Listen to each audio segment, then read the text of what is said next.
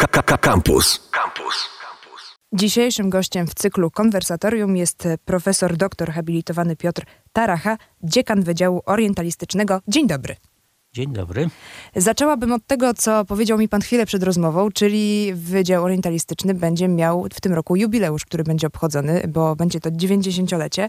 Więc zadam dwa pytania w jednym, bo 90 lat to już jest pokaźna liczba, cyfra, e, a z drugiej strony e, Wydział się też bardzo rozwija, co myślę, że na pewno zobaczymy w trakcie tych obchodów, a rozwija się właśnie w kontekście świata, który się zmienia i postępu technologicznego, dostępu do materiałów zupełnie innego, globalizacji. E, jak to wygląda? Należymy właściwie do dość e, wczesnych, czy wcześniej powstałych jednostek uniwersytetu. Gdyby tak się zastanowić, to raptem dwa lata jedynie później niż na przykład Instytut Ówczesny Historyczny, obecnie Wydział Historii, zdawałoby się dużo ważniejsza E, specjalność czy dyscyplina badawcza. Wszyscy, początki były oczywiście skromne. E, to był bardzo długo Instytut Orientalistyczny, który przekształcił się w Wydział w 2008 roku. I e, oczywiście to przekształcenie świadczy o tym, o czym wspomniała pani redaktor, świadczy o rozwoju naszym. Bo o ile początki były skromne, to obecnie już tego o wydziale właściwie powiedzieć nie można. E, jesteśmy wydziałem średniej wielkości z 13 różnymi specjalnościami,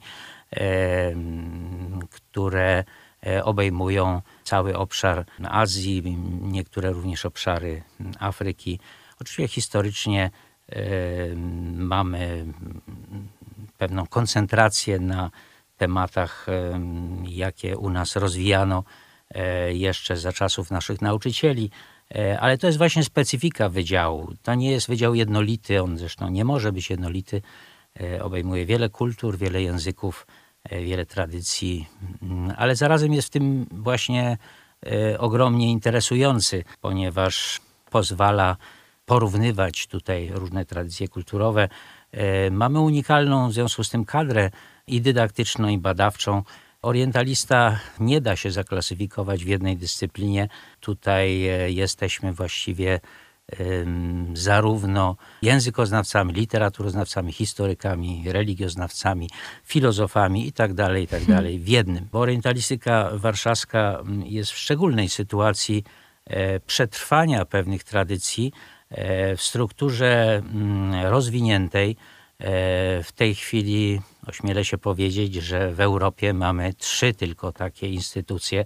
E, właśnie u nas na Uniwersytecie Warszawskim e, tak rozbudowane, prawda? Mhm. Na Uniwersytecie Warszawskim, INALCO w Paryżu, czyli Szkoła Języków Orientalnych i SOAS, Szkoła Języków Orientalnych i Afrykańskich w Londynie. Te dwie pozostałe e, to jest oczywiście kwestia tradycji kolonialnych czy postkolonialnych. Natomiast u nas rozwinęło się to e, można powiedzieć, e, stopniowo, ewolucyjnie z pierwszych czterech seminariów jeszcze przed wojną istniejących i gdzieś z końcem 60. lat zaczął się nasz gwałtowny rozwój, który doprowadził obecnie do takiego obrazu wydziału, jaki mamy. I przechodząc płynnie właśnie do tych wyzwań i może do kontekstu, Niemcy nazywają tego typu specjalności, jakie my reprezentujemy, sam jestem hetytologiem, więc jest to w ogóle dziedzina, którą uprawia na świecie mniej więcej 100 osób.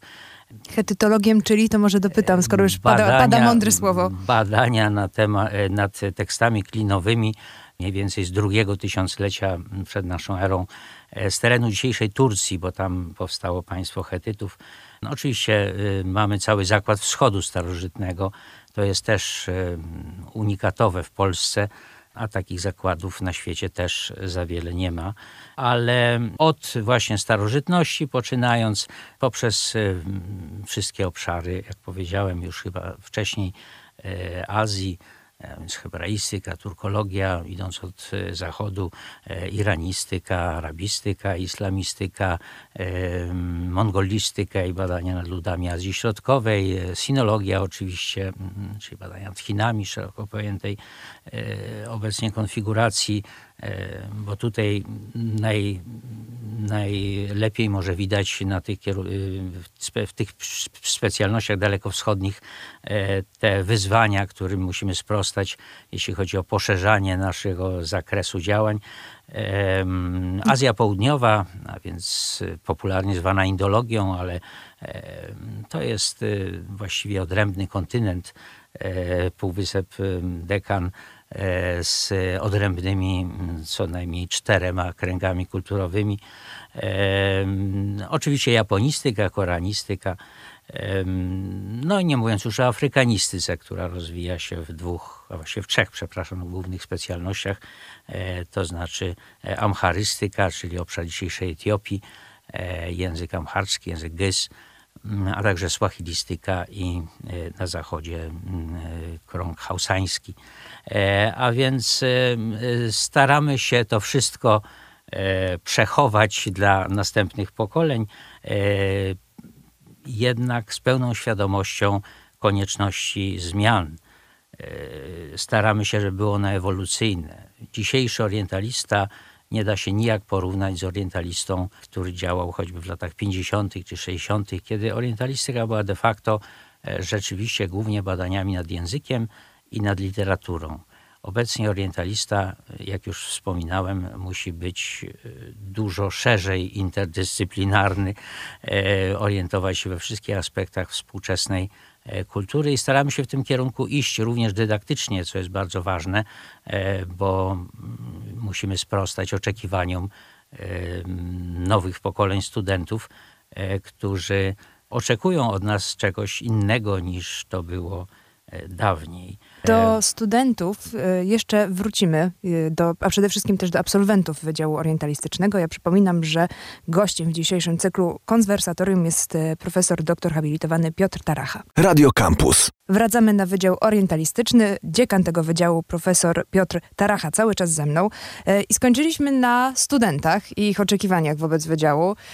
I to płynnie przychodzi w takie drugie zagadnienie, czyli to, kiedy absolwenci orientalistyki opuszczają mury uczelni, to co ich czeka? Jak wydział przygotowuje ich na przykład na e, wyzwania rynku pracy?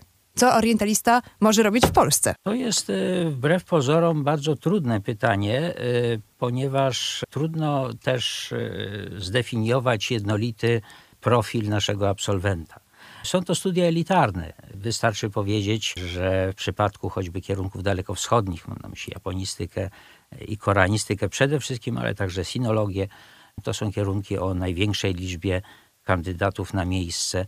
W przypadku studiów dziennych mamy jeszcze oczywiście studia niestacjonarne, ale w innych przypadkach e, to są znacznie mniejsze również grupy, mongoliści, mhm. E, turkolodzy, hebraiści itd. Tak Każdy z nich musi być traktowany indywidualnie. To nie są e, to nie są ludzie, których można potraktować e, jak uczniów w szkole średniej. E, każdy z nich ma swoje oczekiwania, swoją własną motywację, dlaczego do nas przyszedł. Wielu z nich przychodzi ze względu na taką troszkę irracjonalną miłość do danego obszaru. I ci są zresztą bardzo mile u nas widziani, bo, bo rzeczywiście angażują się w różne sprawy przykład zainteresowanie ponią, ono jest od lat niezmienne. Niektórzy twierdzą, że tutaj manga odgrywa swoją rolę, ale myślę, że generalnie wśród młodzieży istnieje dość liczna grupa osób zafascynowanych właśnie e, tą jakże różną kulturą. Ale podobnie jest e, z koranistyką, która przeżywa swój rozkwit w tej chwili. Właściwie problemem jest e, nasza skromna kadra, która ma kłopoty po prostu, żeby sprostać temu popytowi, temu oczekiwaniom studentów, ale staramy się to robić. Przede wszystkim zachowaliśmy swoją tożsamość w tym, że e, każdy student otrzymuje od nas znajomość płynną języka obszaru. Nie ma orientalistyki bez znajomości języka danego regionu, którym się zajmujemy. Wszystkie inne sposoby podejścia, a tych na świecie jest sporo do E, kultur Azji czy Afryki, bazujące na wtórnych źródłach angielskich czy innych, e, to nie jest prawdziwa orientalistyka. To już jest działanie z drugiej ręki.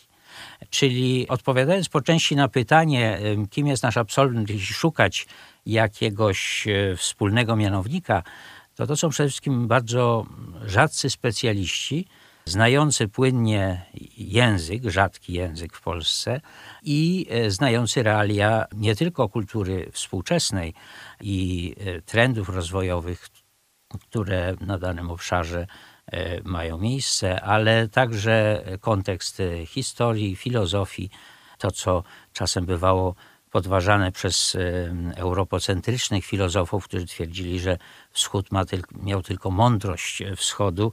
Otóż e, staramy się te e, stereotypy przełamywać i pokazywać, że tak naprawdę filozofia indyjska choćby jest porównywalna, jeśli nawet nie bardziej wysublimowana niż e, filozofia europejska. Punktem wyjścia jest po prostu zupełnie inny koncept bytu i miejsca człowieka w e, tym wszystkim. Więc to jest ten wspólny mianownik. To są e, rzadcy specjaliści. Powiem e, nieskromnie, bo mam nadzieję, że to zachęci może przyszłych naszych studentów, że osobiście nie znam bezrobotnych orientalistów. orientalistów. To jest może czasem kwestia wyboru, bo wybory bywają różne to lepiej widać e, nawet na tych bardziej zaawansowanych, na przykład tych, którzy u nas robią doktorat. U nas doktoraty robiło kilku ambasadorów. E, obecny ambasador w Afganistanie nie tak dawno się doktoryzował e, z iranistyki, ale także i osoby mocno zaangażowane w różne mm, aktywności z zakresu popularyzacji nauki także uprawiania na przykład sztuki e, danego regionu. Mam na myśli teatry, E, na przykład taki teatr Studnia e, oparty na turkologach, tam też jest bardzo aktywna nasza doktorantka, a właściwie już doktor, przepraszam. Dosłownie w zeszłym roku zrobił doktorat kolega indolog, który jest zaangażowany w teatr w Delhi. Ten teatr działa teraz zdalnie, więc on e, ma ułatwione zadanie, ale ci ludzie po prostu są autentycznie zanurzeni w kulturze, która ich e, który, e, obszaru, który studiowali, którym się interesują. Ja tutaj e, dodam na potwierdzenie, że gościem w Radiu Campus była jedna doktorantka z Państwa Wydziału, kiedy o kinie koreańskim niedawno zrobiło się bardzo głośno, więc faktycznie specjalistów nie brakuje i zajęć dla nich. E, profesor Piotr Taracha jest cały czas moim gościem i wrócimy do Państwa za chwilę. Radio Campus. Cały czas jesteśmy na Wydziale Orientalistycznym. Profesor doktor habilitowany Piotr Taracha cały czas ze mną. Ostatnia mm, kwestia, która zawsze wzbudza wiele emocji, jeżeli chodzi o dyskusje na tematy uniwersyteckie, to znaczy Ile powinno być, ile jest teorii, a ile praktyki na studiach na Wydziale Orientalistycznym? To jest y, bardzo istotne pytanie. Y, ono ma kontekst zarówno polski, krajowy, jak i międzynarodowy, dotyczący w ogóle miejsca orientalistyki e, w świecie akademickim i roli orientalistyki w społeczeństwie. Wprawdzie, jak wspomniałem we wcześniejszej wypowiedzi dotyczącej studentów, e, kształcimy dosyć elitarnych, rzadkich specjalistów, ale to nie znaczy, że to nie są osoby bardzo istotne w sensie społecznym. Z tym, że problem polega na tym, że dzisiejszy świat y, prawie wszystko przelicza na pieniądze. I tutaj e, oczywiście studia takie jak nasze, e, opierające się na grupach kilkuosobowych, jest to tutoring w stylu Harvardu e, czy Oxfordu, czasem z dwoma, trzema osobami w grupie, jeśli chodzi zwłaszcza o studia drugiego stopnia, on jest siłą rzeczy bardzo kosztowny i, i nie zawsze zrozumiały dla osób z zewnątrz, dla decydentów, którzy rozstrzygają o kształcie działań uniwersyteckich. Szczęśliwie nasz uniwersytet, Uniwersytet Warszawski, ma tu pełne zrozumienie i ja się tutaj z ogromną satysfakcją muszę odnieść do stwierdzeń i obecnego rektora, i poprzednich, którzy zawsze podkreślali e, znaczenie naszego wydziału dla uniwersytetu i dla uzupełnienia uniwersytetu o właśnie bardzo rzadkie specjalności, ale zarazem specjalności, które wpisują się e, w naukę światową. E, bo orientalistyk nie da się uprawiać lokalnie. to nie może być nauka ograniczona wyłącznie do Polski. Pisanie wyłącznie po polsku też nie ma tutaj żadnego sensu, więc wszyscy orientaliści muszą siłą rzeczy włączać się w dyskusje światowe, uczestniczyć w międzynarodowych kongresach, publikować e, w zagranicznych czasopismach i uczestniczyć w gremiach międzynarodowych różnego rodzaju. Pod tym względem jesteśmy też bardzo aktywni. Koleżanki i koledzy e, piastują e, stanowiska kierownicze w stowarzyszeniach dotyczących regionów, ich zainteresowań. Oczywiście nie ma tu czasu, żeby to wszystko wymieniać i, i, i o wszystkim wspomnieć. Natomiast pytanie jest bardzo ważne E, o przyszłość orientalistyki i jej charakter. E, co do zasady, oczywiście jesteśmy wydziałem badawczym przede wszystkim, wydziałem akademickim, bo tutaj to już jest truizm, który zapewne inni powtarzali już przede mną, że nie ma dobrej dydaktyki bez dobrych badań. E, I to się bardzo sprawdza u nas, zwłaszcza na studiach drugiego stopnia. Praktycznie te dwu, trzyosobowe grupy studentów oczekują od nas wręcz, że zostaną, że ci studenci zostaną już aktywnie zaangażowani w pewne działania. Co więcej, sami wykazują dużą aktywność. Yy, mamy koła naukowe, oczywiście lepsze i gorsze, ale są koła bardzo aktywne. Natomiast tu jest kwestia wyboru. W jakim stopniu mamy pozostać w swoich programach dydaktycznych również, ale i badaniach wyłącznie oparci na teorii, na angażowaniu się w nowe odkrycia, w nowe dyskusje, a w jakim stopniu jednak e, powinniśmy zawrzeć również element praktyczny dla studentów przede wszystkim, który by wychodził naprzeciw ich oczekiwaniom wiedzy poszerzonej, wiedzy bardziej popularnej, bo przecież nie wszyscy nasi studenci mają ambicje pozostania na uniwersytecie. Mhm. E, chociaż takich sobie bardzo cenimy, bo odtworzenie kadry jest e, również ogromnie ważnym problemem kolejnych pokoleniach. I tutaj e, e, staramy się wychodzić naprzeciw tym oczekiwaniom. Przede wszystkim poprzez otwieranie unikatowych kierunków studiów. E, otworzyliśmy nowy kierunek po angielsku, który jest właśnie unikatowy w skali polskiej, w tłumaczeniu na polski religie Azji i Afryki z naciskiem na islam i buddyzm jako punktem wyjścia, ale oczywiście z poszerzoną wiedzą o wszystkich religiach naszych regionów, którymi się zajmujemy. Także e, reaktywowaliśmy po pewnej przerwie studia międzykulturowe, które się cieszą dużą popularnością wśród studentów. To są studia drugiego stopnia, ale właśnie to nie jest e, taka klasyczna orientalistyka. To jest właśnie to, czego wielu studentów oczekuje. Te studia e, mają już charakter praktyczny w znacznym stopniu, oparty na warsztatach, na kontaktach z osobami reprezentującymi dane obszary, zapraszamy gości, którzy przedstawiają różne aspekty. Po fakcie okazuje się, że oczywiste, e, czy powiedzmy, no ale e, tę wiedzę trzeba zdobyć. E, zresztą to dotyczy nie tylko dydaktyki. W zeszłym roku zainicjowaliśmy festiwal, który mam nadzieję będzie już zawsze towarzyszył inauguracji roku i będzie adresowany do nowo przyjętych studentów.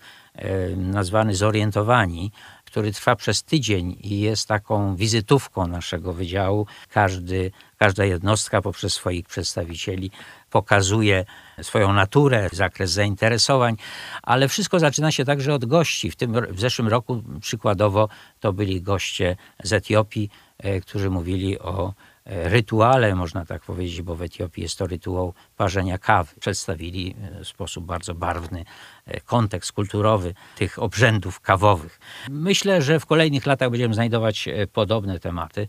Oczywiście od tej strony praktycznej nie do przecenienia jest nasza współpraca z ambasadami e, krajów, które badamy.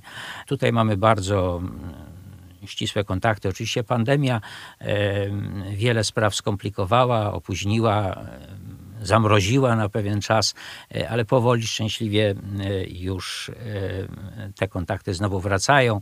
Można tutaj wymienić, poczynając od native speakerów jako lektorów, którzy po części bywają finansowani przez ambasady, a kończąc na projektach wspieranych przez ambasady, współfinansowaniu konferencji. Mamy też Takich spotkań odbyło się już ponad 20 spotkania ambasadorów z naszym pierwszym rocznikiem. Taki zdawałoby się niewielki kontakt, e, czy, czy krótki kontakt z ambasadorami może być bardzo inspirujący dla e, młodych studentów i bardzo sobie cenimy tę inicjatywę, która no, sięga jeszcze czasów nie tylko poprzedniczki, ale także jeszcze poprzednika profesora mhm. Byrskiego.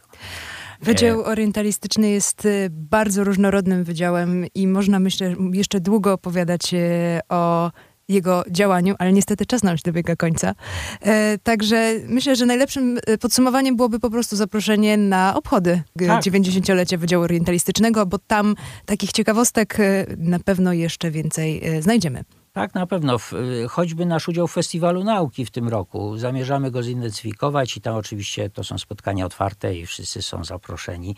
W dawnych czasach choćby było strzelanie z łuku mongolskiego, czy e, prezentacja mody koreańskiej, żeby tylko wspomnieć o takich, e, o takich spektakularnych bardziej, ale również i wykłady popularne, które e, przybliżają poszczególne kultury naszego regionu. Profesor doktor habilitowany Piotr Taracha, dziekan Wydziału Orientalistycznego, był dzisiaj gościem konwersatorium. Bardzo dziękuję za rozmowę. Ja bardzo dziękuję. Internety. Facebook.com ukośnik Radiocampus. Twitter ukośnik Radiocampus. Snapchat ukośnik Radiocampus. Instagram ukośnik Radiocampus.